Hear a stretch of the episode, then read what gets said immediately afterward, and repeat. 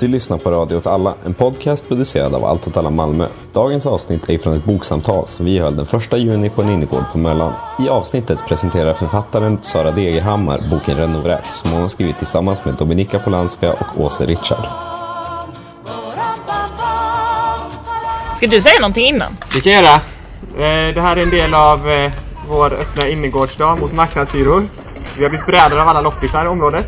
Så, men eh, det här kommer att vara ett samtal om en bok som heter Renovräkt, hyresvärdens maktspel och hur vi tar strid. Som Sara här har varit med och skrivit. Eh, Och imorgon är sista punkten på det här som är Stadskansveckan och det är ett mingel i en ny lokal vi har öppnat på! Monbygatan 13A. Från klockan tre är man välkommen på öppet mingel där. Lämnar över till Sara. Ja, roligt! Tack så jättemycket för att jag får komma hit till Malmö, älskade Malmö, och prata om vår bok. Jag tror inte vi har gjort det än, vi försöker turnera med den nu, eh, men eh, har inte kommit hit, så det är väldigt kul att vara här. Ehm, ja, mitt namn är Sara Degerhammar och eh, jag har kom in i det här projektet med den här boken via en organisation som jag har varit med och startat och drivit sedan 2015 ungefär, som heter Ort till ort. Och som är ett eh, Stockholmsbaserat nätverk eller en resursbas eller en sammansättning människor. eh, det är ju alltid ett problem att definiera sådana saker. Um, men vi jobbar helt enkelt för att knyta samman olika bostadskamper ort till ort i Stockholm. Ehm, eftersom att Stockholm är eh, ex extremt segregerad stad. Och det är långt mellan orterna som är segregerade, rent geografiskt. Eh, den bygger ju på sina, sin getingmidja, eh, lilla innerstan, liksom. Väldigt eh, gentrifierad, väldigt eh, alltså det som man brukar kalla för urbana fronter, eh, har ju liksom eh, tagit sig ut från stan. Stan är totalt eh, ja, gentrifierad helt enkelt. Eh, urban front menas med ehm, en, plats som är helt enkelt nästa stopp på investeringslistan eller vad man ska säga för fastighetsägare att investera i, det vill säga det som kommer booma snart och där man inser att man kan göra stora pengar. Ehm, den här urbana fronten kan man säga kom väl till ett område där jag har varit engagerad ganska många år. Eh, Rågsved, Hagsätra och Högdalen som är, ligger längst ut på gröna tunnelbanelinjen i söder om Stockholm. Eh, och under en ockupation där så eh, träffar jag dels Dominika som har varit med och skrivit den här boken, Dominika Polanska. Ehm, vi tillsammans, hon håller på med forskning redan då, eh, och vi tillsammans börjar eh, eh, prata om, tillsammans med andra också där, om att starta upp det här nätverket ort till ort, för vi kände att vi behövde liksom få styrka från andra kamrater och andra boende på andra orter runt om i stan. Um, och så. Um, och sen så efter ett tag så grodde väl idén att börja på något sätt använda oss av den erfarenheten som vi har samlat och kunskapen vi har samlat i, i de strider vi har tagit. Det är så att vi går in, i OTO går vi in och hjälper till och stöttar upp boende med ja, renovräkningsfall som jag ska prata om nu idag. Men också andra typer av vräkningar. Eh, som nyanlända som nu då vräks i stora vågor efter två år i kommunen och sådär. Jag ska inte komma in på det mer för att det är renovräkningar vi ska prata om idag. Men eh, den samlade kunskapen eh, insåg vi att vi behövde liksom eh, systematisera. Eh, för renovräkningar är ju som eh, Alltså renover, renovräkningar, jag, jag antar att många är, är liksom bekanta med det uttrycket men jag kan ändå dra det liksom att man renoverar upp gamla, framförallt nu är det ju de gamla miljonprogramsområdena som är i skottlinjen för det här. Eh, som behöver bytas el och avloppsledningar och ventilation och så vidare. Någonting som egentligen då enligt eh, jordabalken och, eh, och miljöbalken ingår, ska ingå i hyran och som fastighetsägarna alltid ska ansvara för eh, utan någon hyreshöjning. Men det som görs och det som är populärt just nu eh, görs även här i Malmö är att man eh, när man väl eh, blåser ut allting, för det gör de, det behöver de inte göra, men de gör ju det i samband med de här renoveringarna, så gör man, sätter man in standardhöjande åtgärder. Eller egentligen små detaljer som de har hittat som, som gör att de får höja hyran helt enkelt. Så att det skyddet är ingenting. Eh, alltså man kan sätta in en handdukstork, är väl det mest klassiska. Eh, eller bara kakla om helt och hållet och blåsa ut gamla, rigida, fasta kök, liksom platsbyggda kök och sätta in flashiga nya som ser bra ut men som ofta inte har så bra kvalitet. Och sådär. Eh, och det här är ju egentligen den här typen av bortträngning. Alltså det är ju relevant att prata om eh, förort när det kommer till Stockholm i alla fall. Eh, för det är där den här bortträngningen sker. Alltså det vill säga att människor måste flytta på grund av eh, de här höj höjda hyrorna som kommer eh, i samband med det här. Hyresgästföreningen gjorde en rapport, eh, en undersökning där man såg att det låg på snitt på 37 procents hyreshöjning i samband med renoveringar. Eh, vilket är ganska stor eh, procentsats. Dock i alla fall jag har varit inblandad i så har det legat på, på högre.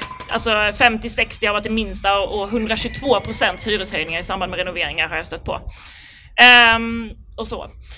Det här är inget nytt, den här typen av bortträngning, men förut, alltså det har ju hållit på sedan 70-talet i, i Sverige mer eller mindre, eller 50-60-talet när man rev stora stadskärnor med arbetarbostäder för att ge plats till köpcentrum och parkeringsplatser och allt härligt vi har i, inne i stan.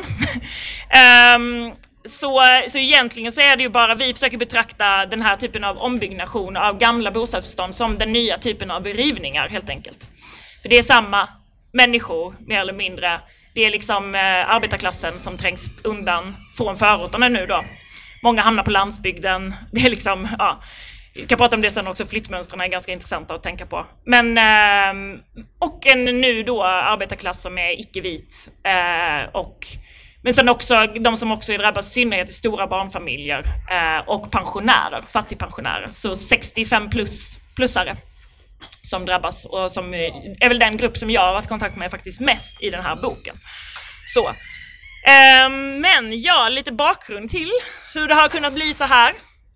Um, vi brukar prata om att det har skett i Sverige en stillsam revolution. Eller ett stillsamt, ett, ett tyst medgivande under 90-talet och 2000-talet. Uh, ehm, det har liksom bostadspolitiskt skett ett jättestort systemskifte som inte pratades om under 90 och 2000-talet. Um, ehm, bland annat så lades uh, bostadsdepartementet ner eh, uh, 91 redan, uh, vilket är ju, var ju liksom ett, en plats, man gav en plats i politiken för bostadsfrågor. Um, där det hela tiden förhandlades och diskuterades. Eh, den la borgarna ner så fort de kom till makten. Um, och ja, mer eller mindre sa med det att marknaden ska styra det här. Vi ska inte ge, vi ska inte centralisera bostadspolitiken. Vi ska liksom låta de här krafterna få göra det själva.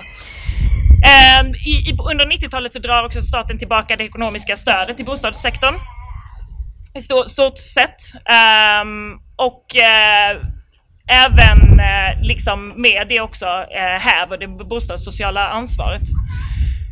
Um, Bostadssubventionerna fasas ut, men inte ränteavdraget för det ägda boendet till exempel. Um, och man ser också, eller just det, i slutet på 90-talet så sker det också jättestora nedskärningar i bostadsbidragen. Så det är detta som händer och de skattefria reparationsfonderna som vi också hade eh, fram tills då eh, beskattas jättehårt och sen försvinner.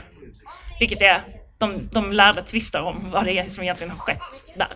Um, under 2000-talet så, så uh, blir det också väldigt starka utförsäljningar som ni har, är säkert bekanta med.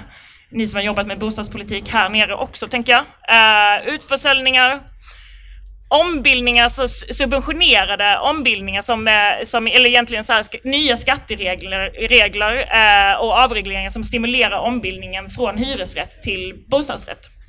Så det sker ju också jättemycket, liksom, att man tar bort hela den allmännyttan, mer eller mindre. På det sättet också. Sen kommer den, jag vet inte om ni har hört om den, men den allbolagen 2011 som är ganska viktig. Eh, där det bestäms att även allmännyttan ska styras med eh, eh, affärsmässiga principer. Och då är det många som har tolkat detta som att det ska vara vinstdrivande. Liksom. Eh, och så. Eh, så det börjar också hända. En annan grej med allmännyttan som är, eller med allbolagen menar jag, som är intressant där är ju att eh, allmännyttan då, det sägs också i den här lagen att allmännyttan inte längre ska vara normerande för hyrorna. Det vill säga att i ett område har det förut varit så att allmännyttan ska sätta även de privata värdarnas hyror, mer eller mindre. Så här.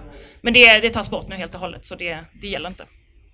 Um, och sen är det också, under den här perioden så börjar det ske mer och mer en väldigt uh, skev uh, maktfördelning, en, uh, skev, uh, liksom orättvis skattepolitik mellan det ägda och det hyr, hyrda boendet. Uh, där uh, ränteavdrag till exempel 2017 gick upp till 17 miljarder kronor. Och rotavdraget som ju vi vet utnyttjas mest av rika eh, går upp till 9 miljarder kronor per år. En summa som skulle kunna eh, täcka eh, så vi skulle kunna få gratis kollektivtrafik i hela Sverige. Kan man tänka på. Så detta har ju hänt. Det är också, ska jag säga, alltså vad, vad som är konsekvenserna av detta är ju liksom bostadsbrist, dyra bostadskostnader, trångboddhet eh, och ett Eh, Eh, ökat liksom, eh, renoverings och eh, underhållsbehov. Och, men också en sak som är intressant är att det har ju blivit extremt mycket dyrare att hyra sin lägenhet än att äga den i nu. Det är 30 procent mer att hyra än att äga sin bostad nu för tiden. Så att hela den, det skiftet har ju skett under den här tiden. Men nu tänkte jag prata om handboken istället. Men jag, det är lite obligatoriskt för mig att ge någon slags bakgrund i alla fall. och jag tycker det är viktigt ändå att förstå att det faktiskt har, har liksom kanske för oss alla eh, skett en sån här tyst förskjutning liksom, i bostadspolitiken. Så man inte, det är inte bara som att det plötsligt händer utan det här är ett, det har kokat långsamt. Liksom. Um, fokus för vår handbok har ju självklart varit uh, Ja, den här, jag ska hålla upp den också eh, har ju varit eh, hyresgästernas perspektiv. För det är någonting som vi anser i den här debatten som ändå har förts ett tag nu om renovräkningar så är det ett perspektiv som ofta inte kommer fram och det är ju jättemånga olika aspekter alltså av det känslomässiga tillståndet kring att förlora sitt hem eh, eller att eh, inte, man behöver inte ens förlora det utan bara att någon kommer in och bestämmer plötsligt eh, och man är inte mer än, än någon som kan flyttas runt. Liksom. Um, men också uh, för vad vi anser att, att just hyresgästerna är ju experter på det här och att lyfta deras expertis uh, kring sitt eget hem och vad ett hem ska vara och vad, hur, hur ens självbestämmande ska se ut. Så det har varit väldigt viktigt för oss. Men så också organisering och motstånd såklart. Alltså den här, det här är en handbok som är uppbyggd på det sättet att uh, vi har jag börjar så här. Vi har gjort eh, ungefär 60 intervjuer med eh, boende drabbade av eh, den här typen av renoveringar med följd eh, ökade hyror eh, i Uppsala och Stockholm. Och, ehm, sen har vi också haft eh, otaliga stormöten tillsammans med drabbade hyresgäster som vi har, eh, där vi har också försökt liksom, eh, få till samtal över, alltså med hyresgäster i olika fastighets, hos olika fastighetsägare för att kunna också se likheter och skillnader mellan olika bolag, hur de arbetar och opererar. Liksom. Och syftet med detta har ju varit att eh, försöka förstå vilka tekniker fastighetsägare använder sig av för att få igenom de här typerna av processer. Och också förstå vilken liksom, asymmetrisk maktrelation eh, vi egentligen talar om här. För att det kan vara väldigt svårt. De gånger jag har eh, gått eh, på möten de initiala mötena, till exempel när en renovering ska genomföras eh, med fastighetsägarna, de kallar till storgrupp och så vidare. Det är väldigt svårt att förstå vad det är som händer i de här, på de här mötena om man inte har ett raster att se det igenom. Om man inte har en, en, eh, en liksom maktanalys av deras språk de använder, av hur de organiserar de här mötena om det är mindre grupper, större grupper, alltså allt sånt som spelar in. Um, så, och det, det, är ju det vi har eh, liksom upplevt, eller så här, när jag började gå på olika typer av sådana här möten, inte bara i de områden jag redan var aktiv i, utan uh, även på andras möten för att titta hur det gick till. Uh, att hyresgäster också ganska snabbt internaliserar den här skulden liksom, i att de själva blir bräckta. och att så här, beroende på vilket kontrakt man har, till exempel så är det ju väldigt ett korttidskontrakt. Um, som är väldigt populärt för hyresvärdar att ha nu. Vi har stött på hyresvärdar som har ungefär 80 procent av sina boende på korttidskontrakt, vilket betyder att de kan räkna dem i princip när som helst. Just för att kunna genomföra renoveringar väldigt, väldigt snabbt. Få ut alla på en gång liksom. Och då har jag mött väldigt mycket korttidskontraktare, som vi kallar dem, eh, som har internaliserat det här. Liksom. Och då det är jag som har skrivit på det här, när man försöker liksom, du vet, ta upp frågan. Så, men det är jag som har skrivit på det här och jag är absolut inget offer för den här politiken. Och det är inte så här, ja. Så, eh, men när vi har haft otaliga möten kring de här grejerna så har ju folk också uttryckt att men jag visste inte. Alltså jag vet inte vad det här är för typ av eh, Alltså jag har ingen analys på den här situationen. Jag förstår inte vad, han, vad, vad de säger och vad det är som händer när han verkar så himla trevlig. Men han säger å andra sidan att vi inte får bo kvar. Liksom. Um, så det var viktigt för oss att försöka förstå vad det är, vad det är för olika tekniker, härskartekniker som de här hyresvärdarna, eh, uh, fastighetsägarna använder sig av. För det var det vi såg när vi också var ute och intervjuade. Liksom. Så vi har utkristalliserat 18 tekniker tror jag. Jag ska gå igenom alla. Nej jag skojar. Men eh, eh 18 härskartekniker som eh, eh, Egentligen har vi delat upp det så här, vi har sex huvudtekniker och sen har vi underkategorier, men vi snurrade till det så himla mycket i det, så sen släppte vi lite på den grejen. Så att jag vet inte vad som egentligen hänger ihop. Allting går ju in och ut ur varandra liksom. Ett skuldbeläggande och ett hot kan ju komma i samma mening liksom. Så att det är absolut, eh, det är väldigt eh, ehm, eh, så. Men vi, det är viktigt ändå att strukturera sådana här grejer för att förstå. Så vi, vad vi gjorde är att ehm, vi eh, sorterade vårt material med de här då sammanlagt 80 intervjuerna eller vad det var som vi fick till slut. Um, ut efter olika teman som vi, vi hittade. Som man gör när man forskar tydligen. Jag har ju kommit in lite från andra hållet så jag bara, ja, fick ju adaptera den här tekniken då.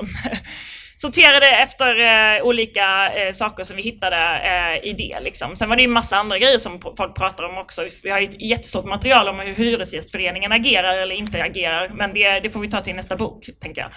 Men, eh, men 18 tekniker tyckte vi att vi kunde se flera gånger, liksom, varje teknik upprepar sig i det här materialet. Då. Um, Sen har jag också i den här processen har jag också hyresgästerna fått ge feedback på. Vi har presenterat det här innan vi, gjorde, innan vi slutförde eh, boken, liksom presenterade vi eh, det här materialet för alla och så fick de ju se om de tyckte att det var rimligt själv eller om de kände igen sig och då var det som att det också stärktes i dem, liksom, självförtroendet kring det här. Att säga, ja gud ja, det är andra som också tänker och tycker så här eh, och har varit med om detta. Liksom. Det är inte bara jag som har favoriserat och känt mig hotad eller trakasserad och hela den där grejen. Liksom. Eh, och det är det som är det viktiga, tänker jag att, eh, nu när vi också är ute och, och, och pratar med folk runt om i, i Sverige, eh, boende framförallt försöker vi åka till, eh, som, som är, står inför renoveringsprocesser eller mitt i eller ska flytta tillbaka och så vidare eh, och behöver eh, verktyg för organisering och som vill det. Liksom så. Eh, och då har det varit väldigt, väldigt stärkande för dem. Men jag tänkte nu eh, att vi gör så här. För den här boken är ju inte, inte bara den bygger ju på citat från, eh, från hyresgäster. Men det är ju inte bara det, utan det är ju självklart också, det är ju en handbok. Så efter varje härskarteknik så kommer det tips om hur man kan bemöta dem. Så, tips som vi själva har eh, eh beprövat och eh, verktyg som hyresgästerna har beprövat eh, under flera års tid kan det vara ibland. Eh, det är på, på den stora nivån och på den lilla nivån. Det är liksom individuellt motstånd hur jag gör, hur jag bemöter den här typen av sur gubbe eller väldigt, väldigt trevlig gubbe som kommer och, och försöker övertala mig om det, det ena eller det andra liksom. Eh, till hur du faktiskt får eh, dina grannar att komma på möte varenda tisdag eller vad det kan vara. Liksom. Eh, så det är väldigt, ehm, det är väldigt ja, litet och stort så att säga. Men, eh, och sen är det också eh, har vi också i slutet av boken en mängd, eh, samlat en mängd både från Sverige och internationella kamper som man kan läsa om, eh, som faktiskt har lyckats i de här frågorna. Men eh, jag kommer inte fokusera så mycket på motståndet nu, för jag tänker att det också sitter ganska mycket aktiva människor här som har hört en del om motstånd innan eh, i de här frågorna. Um, och eller så kan man läsa om det i boken. Men eh, jag kommer fokusera på eh, hyresgästernas röster och jag tänkte läsa lite om ni vill det eh, ur boken från eh, några olika härskartekniker som jag har valt ut. Jag tänker se hur många vi hinner. Osynliggörande är ju vår första teknik. härskarteknik. Och eh, det kan vara till exempel när ett område ska eh, renoveras så är det ju ofta att eh, hyresvärdarna kommer eh, och pratar om teknik och ekonomi och alla hårda ämnen. Liksom. Ehm, men också att man pratar om hur framtida hyresgäster eller hyresgäster generellt vill ha det över huvudet på de hyresgästerna som faktiskt bor i eh, hemmen. Liksom. Exempel ur verkligheten. I ett område försökte hyresgästerna presentera hållbara lösningar för fastighetsbolagen.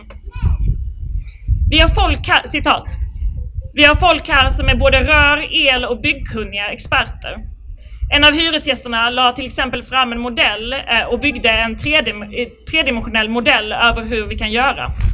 Vi har lösningar hela tiden för, för det de kommer med. Men de bemöts alltid med tystnad. Eller så skickar de oss till en högre chef. Den konkreta konsekvensen av osynliggörande som härskarteknik är att hyresgästernas perspektiv framstår som mindre viktiga. I många fall blir osynliggörande helt absurt, till exempel då lägenheterna som skulle renoveras redan var fräscha och i gott skick. Citat. Det ska inte bara kunna, de ska inte bara kunna komma in och göra en totalrenovering på lägenheter som är i bra skick, som är nymålade och som har kök och det. För det är det de vill. De vill ju bara riva ut allt alltså. Spelar ingen roll eh, om det var ett år sedan som det var renoverat. Många känner sig eh, som att de inte har blivit tagna på allvar. Andra beskriver att de känner sig helt överkörda. Citat. Men det kommer alltid som en chock när någon vill ha jättemycket pengar för samma sak. Och bara, här får du en hög med bajs och så vill jag ha 3000 kronor av dig. Man bara, men jag vill inte ha. Jo, nu har jag bestämt att du vill ha det och det är jättelyxigt. Trakasserier är en jättebred kategori såklart. Det är allt det här kan ju ses som en trakasseri, mer eller mindre, men vi försöker ändå så att säga sortera det för enkelhetens skull. Ehm, det kan ju till exempel vara när hyresvärden kommer återkommande och knackar på dörren och vill ha påskrifter eh, om ett godkännande av renovering, någonting som man absolut inte behöver göra. Och man har enligt lag alltid två månader på sig att, att betänka om man vill skriva på eller inte. Uh, och sen kan man ju tacka nej. Det är ju fullt möjligt och då kan de inte göra så mycket. Det är liksom, ja. Det här, det här kan man läsa om i boken också, men uh, alla, alla regler på detaljnivå så. Um, men precis, och det finns också andra typer av trakasserier, alltså påtryckningsmedel som att stänga av värmen. I lägenheter har vi ju uh, stött på vid flera tillfällen på vintern Eh, för att få ut folk inför renoveringar och sådär. Um, och också att ha väldigt störande verksamhet uh, i, uh, i husen. Alltså det som vi pratade om igår tror jag, men smygrenoveringar som är väldigt populärt nu, hyr fastighetsägare att börja med att man renoverar en lägenhet i taget uh, när någon har flyttat. Liksom. Um, och det blir ju en väldigt hög press på de människorna som bor kvar där då. Liksom också. Uh, både att en lägenhet har renoverats och min, min lägenhet är fulare, eller att det låter för jävligt när jag försöker sova. Um, exempel ur verkligheten. Att bli uppsökt av hyresvärden i hemmet upplevs av många som hotfullt. Ofta sker dessa besök oannonserat och många känner sig överrumplade och tvingade till lösningar de inte gillar. Kundvård kallar de det. Citat alltså. Kundvård kallar de det. Det är när bostadsbolaget hjälper en att hitta en lägenhet om man vill flytta. Eh, men man känner sig som att man är tvungen att flytta då. Det känns så, efter att de har varit hemma hos en. Hos oss eh, gick de hem till var och en av mina grannar. Man sitter själv med dem. Folk blir oroliga och undrar hur, hur jag ska göra. Blir jag tvingad att flytta nu? Det som är specifikt för trakasserier är att det är återkommande Ofta framförs de som mer eller mindre förtäckta hot och kommer i olika former. Det är det värsta jag har varit med om. Citat igen, förlåt. det är det värsta jag har varit med om. Men det finns säkert värre. Eh, för de trycker ner folk och är hotfulla, är de också. skickar hotfulla brev. Alltså om ni inte släpper in våra, vad heter det, arbetare, hantverkare. Vi släpper in alla men ändå skickar de hotfulla brev i förväg alltså. Släpper ni inte in så får ni böta 10 000 kronor. Om inte det händer så åker ni ut. Eh, och när man vill ringa upp eh, de här snubbarna som skriver de här breven så fick man aldrig tag på dem. Det, eller så är det upptaget hela tiden.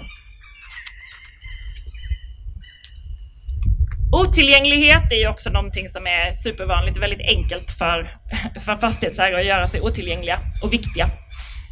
Um, men det har ju varit allt ifrån att det inte har funnits en adress till att det som var beskrivet i, i citatet innan är upptaget hela tiden. Um, och, eller att företaget faktiskt inte ligger i Sverige till exempel. Det är ju väldigt vanligt också. Um, vanligt är att uh, husen byter ägare flera gånger åren innan en renovering. Vilket gör det svårt för de boende att veta vem de ska vända sig till. Citat. Nu sägs det att det är ännu en ägare igen, men att de får behålla det gamla namnet, men jag har ingen aning. De är urdåliga på information. Och brev, nej, det är det minsta vi har fått. Och när man ringer säger de att du får, du får gå eh, in på datorn och titta där. Men då sa jag att jag, att jag, då sa jag att kanske inte alla har datorer. Och då sa han, jo, min mormor är 95 och hon har dator. Svarade de. Eh, och sen skulle de höra av sig igen, men det har de inte gjort. I ett fall så är hyresvärden helt frånvarande. Hyresgästerna kunde bara kommunicera genom en eh, anställd fastighetsskötare. Denna bemötte dessutom åsikter och frågor med en mycket otillgänglig attityd. Men citat. Men det går inte att få tag i världen. Världen är omöjlig att få tag i. Det har inte ens Hyresgästföreningen fått. Det är ingen som eh, har fått tag i honom.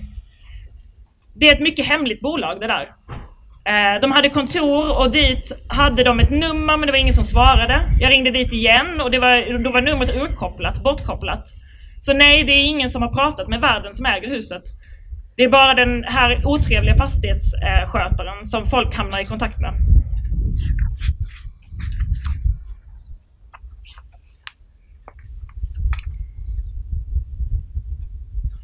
Skuldbeläggande är också väldigt eh, vanligt. Eh, av saker och ting som är till exempel i, vi har ju också pratat med människor som precis kommer tillbaka efter renoveringar och då eh, som vi sa innan att det är ganska mycket saker som inte är så bra gjort. De här renoveringarna ska ofta gå väldigt, väldigt fort. Man tar in ett eh, eh, hantverkare som får jobba dygnet runt, ofta från andra länder, eh, som får bo under jättekonstiga förhållanden har vi också påträffat, liksom i källarförråd och så vidare. Eh, och Eh, Eh, så att det är klart att det här arbetet ofta inte genomförs speciellt bra. Plus att man använder sig av ett av material som är det billigaste de kan hitta men som på ytan ser bra ut. Liksom. Väldigt mycket IKEA. IKEA har ju, deras försäljningssiffror på kök har ju skjutit i höjden de senaste åren. Um, så det är, och, och just skuldbeläggandet för när saker och ting går i sönder efter, efter renoveringar hamnar ofta på hyresgästerna själva. Eh, hyresgästerna beskylls för brister i underhållet eller fel och brister som uppkommit i nyrenoverade hus. I ett fall blev en ensamstående mammas barn beskylld för en fuktskada på en diskbänk. Den nyinsatta diskbänken var gjord av ett material som inte tålde fukt. Citat. De säger att jag ska betala. De säger det är dina barn som gör sönder. Jag har sagt till, när ska ni komma och byta? Men då säger de att jag ska betala om jag vill byta. Och det här händer ju ofta att man blir skuldbelagd eh, just när man lyfter fram någonting om dålig kvalitet eller så här. Så det är ju ofta hyresgäster då till slut inte vågar göra det, så att säga. Ska jag dra några till? Ja. Pallar ni det? Eller? Somnar ni? Eh, förminskande. Det här är en teknik som ligger väldigt nära osynliggörande. Men istället för att liksom bara totalt ignorera eh, hyresgästernas behov så, så är det också en teknik där hyresvärdarna ofta gör narr av hyresgästerna och, och menar på att de inte förstår de här tekniska och ek ekonomiska argumenten som man kommer med. Eh, precis. Eh, eller att som det har varit flera gånger att de istället hänvisar till klimatmål eh, för ombyggnationer. Som till exempel ett, ett extremt fall i Stockholm med, som ni kanske har hört om med, med Valla torg i Orsta. Det som var liksom ett stort EU-projekt som Stockholmshem, allmännyttan, hoppar på. Eh, där man ska eh, liksom eh, göra stora eh, klimatsmarta lösningar av alla bostäder. Man får en liten summa av EU för att göra detta, men vad de inte säger är att det är hyresgästerna som får bekosta den största delen. Med höjda hyror då, som landade väl på 50 procent tror jag i slutändan. Um, och sådär. Um, och speciellt uh, enligt hyresgästerna själva, jag håller på att intervjua dem nu för ett uh, nytt forskningsprojekt, så, uh, så är det ju liksom inte mycket mer än, än att de sopsorterar som alla andra som har hänt egentligen i de här lägenheterna. Um, precis, förminskande. Ska vi se. Ett vanligt sätt att förminska eh, att hyresgästerna uttrycker oro är att utan diskussion bara hävda att ingenting kommer att kunna stoppa den renovering som är plan planerad. Citat. Jag har frågat vad som kommer hända med kåken. Hur länge kommer det att pågå? Och alltihopa. De tycker bara att det är att, är att bry dig inte, det är bara att gilla läget. En hyresgäst berättar att klimatfrågan används som ett argument för att minska kostnaderna. Men utan att ta hänsyn till att lägenheterna blivit mycket kallare och att åtgärden i praktiken inneburit en sänkning av bostadsstandarden. Citat. Sen så hatade jag den här grejen som kom en gång. Nu ska vi för miljöns skull sänka temperaturen med två grader. Fan vad schysst. Och så vet man att de antagligen tjänar enorma pengar på det. Det är en jättebra affär på dem. Då kan man ju tänka att de borde ha gjort en hyressänkning också. Härska genom att söndra är ju också någonting som går igenom alla tekniker lite grann. Alltså när det kommer till att splittra motstånd. Eh, så. Eh, och också att, eller egentligen baseras det här på att, eller det som är vanligast skulle jag säga, är att man erbjuder eh, individuella lösningar för alltså vissa utvalda hyresgäster. Eh, vissa grupper som man kanske tror har möjlighet och råd att stanna kvar som får en liten extra eh, liksom deal och sen har man ju då eh, splittrat ett helt grannkollektiv med det här. Det, är väldigt, det händer ju väldigt eh, också subtilt för att det bara börjar försvinna folk och sen får man höra att de, ja, men han fick en ersättningslägenhet som var så här och så här eller de fick ett annat kontrakt till exempel. Det är också man är väldigt, eh, just när det bor mycket folk på olika kontrakt i en kåk så blir det ju också Um, väldigt svårt, alltså korttidskontrakten är ju, uh, har ju ett helt annat, uh, en helt annan sårbarhet i det här. Men det går, och det ska man också ha med sig, det går ju verkligen att organisera folk på korttidskontrakt också. Um, så. Exempel ur verkligheten. När information om renoveringen skulle presenteras var det vanligt att hyresvärden bjöd in till möten i mindre grupper. Hyresgästerna för, förhindrades därmed att höra de andras åsikter. Citat. Det tyckte jag var så fult att de splittrade upp oss sådär. Att det bara var ett hus i taget som fick information och vi hade separata möten. Från början skulle det gälla alla och sen hade det väl kommit in information om att folk var upprörda, att de hade fått dålig information och sådär. Och då sa de att vi skulle ha möten i eh, mindre grupper. En annan hyresgäst som bodde i ett hus där det smygrenoverats berättar hur eh, det vars lägenheter där folk fortfarande bodde sattes under stor press. Eh, precis. Hur man då använder sig av de här smygrenoveringarna också för att eh, pressa ut andra hyresgäster. Eh, man fick tre varningar. Eh, får man tre varningar så får man flytta. Och framförallt så har vi märkt att de som bor i de lägenheter som inte har blivit renoverade, som inte har fått hyrorna höjda, eh, de är de på som fan. De vill, de vill bli av med dem så de kan renovera och höja till 3000. Med 3000. Så de är på dem hela tiden, läser av koden och ser när man har varit nere och tvättat och har man inte städat så får man en varning. Ja, det finns många tekniker helt enkelt. Tidspress och krav på tillgänglighet är också extremt vanligt förekommande. Att man eh, förväntar sig att hyresgäster ska vara hemma under tre veckors tid till exempel, annars får man böter. Det är väldigt mycket snack om böter, alltså det är väldigt eh, vårdslös och de bara skickar hotbrev och, och liksom krav på pengar för saker de absolut inte får göra. Liksom. Det är inte... men, men folk blir ju rädda såklart. Alltså det är ju jätteeffektivt. Pengar, alltså att trycka på med det. Liksom. Enligt lag ska man få två månader på sig att bestämma sig för om man vill skriva under godkännandet eller inte. Men många hyresgäster berättar för oss att hyresvärdar ibland sätter ett datum helt utan betänketid. Vilket också skapar mycket stress. Hela situationen upplevs som ett hot. Citat. De försökte ju jaga alla som inte hade godkänt det här. Och så var det förtäckta hot. Det är en tolkningsfråga men det kom liksom en påminnelse. Nu har du inte skrivit på än. Och tänk på att sista datumet är si och så.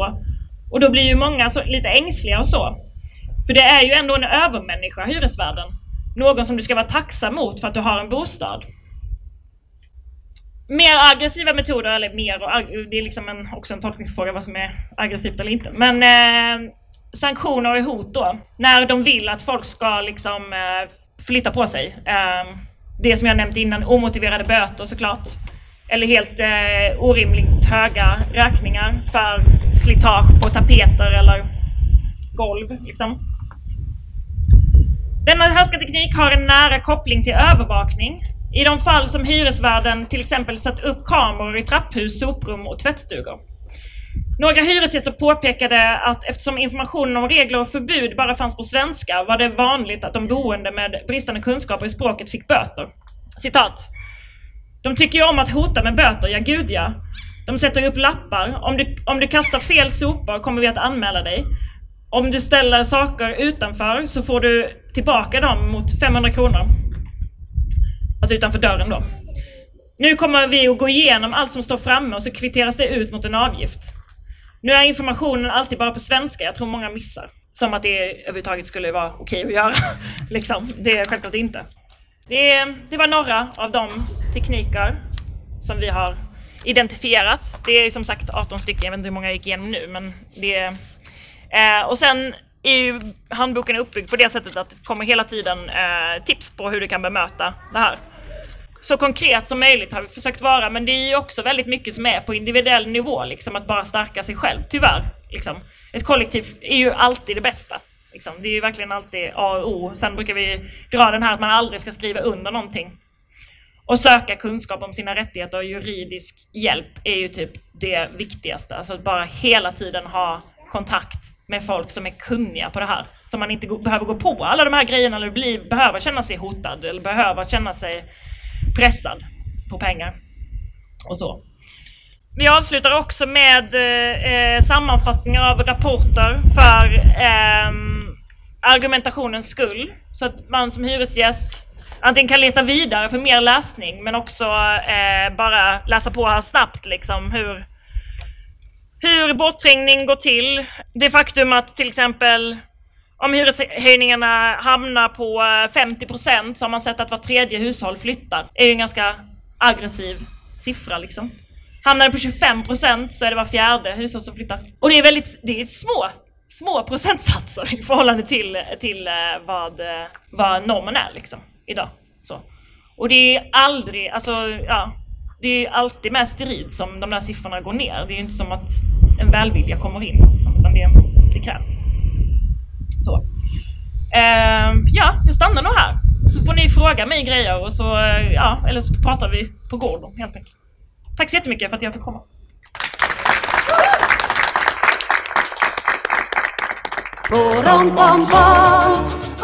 Det här boksamtalet hölls som en del i Öppna Möllan som var ett evenemang som vi höll under Stadskampsveckan 2019. Stadskampsveckan är slut för i år men kommer tillbaka nästa år. Ännu större och ännu bättre. Tills dess kommer vi fortsätta kämpa för en stad formad efter våra hjärtans begär och producera podd längs med hela vägen.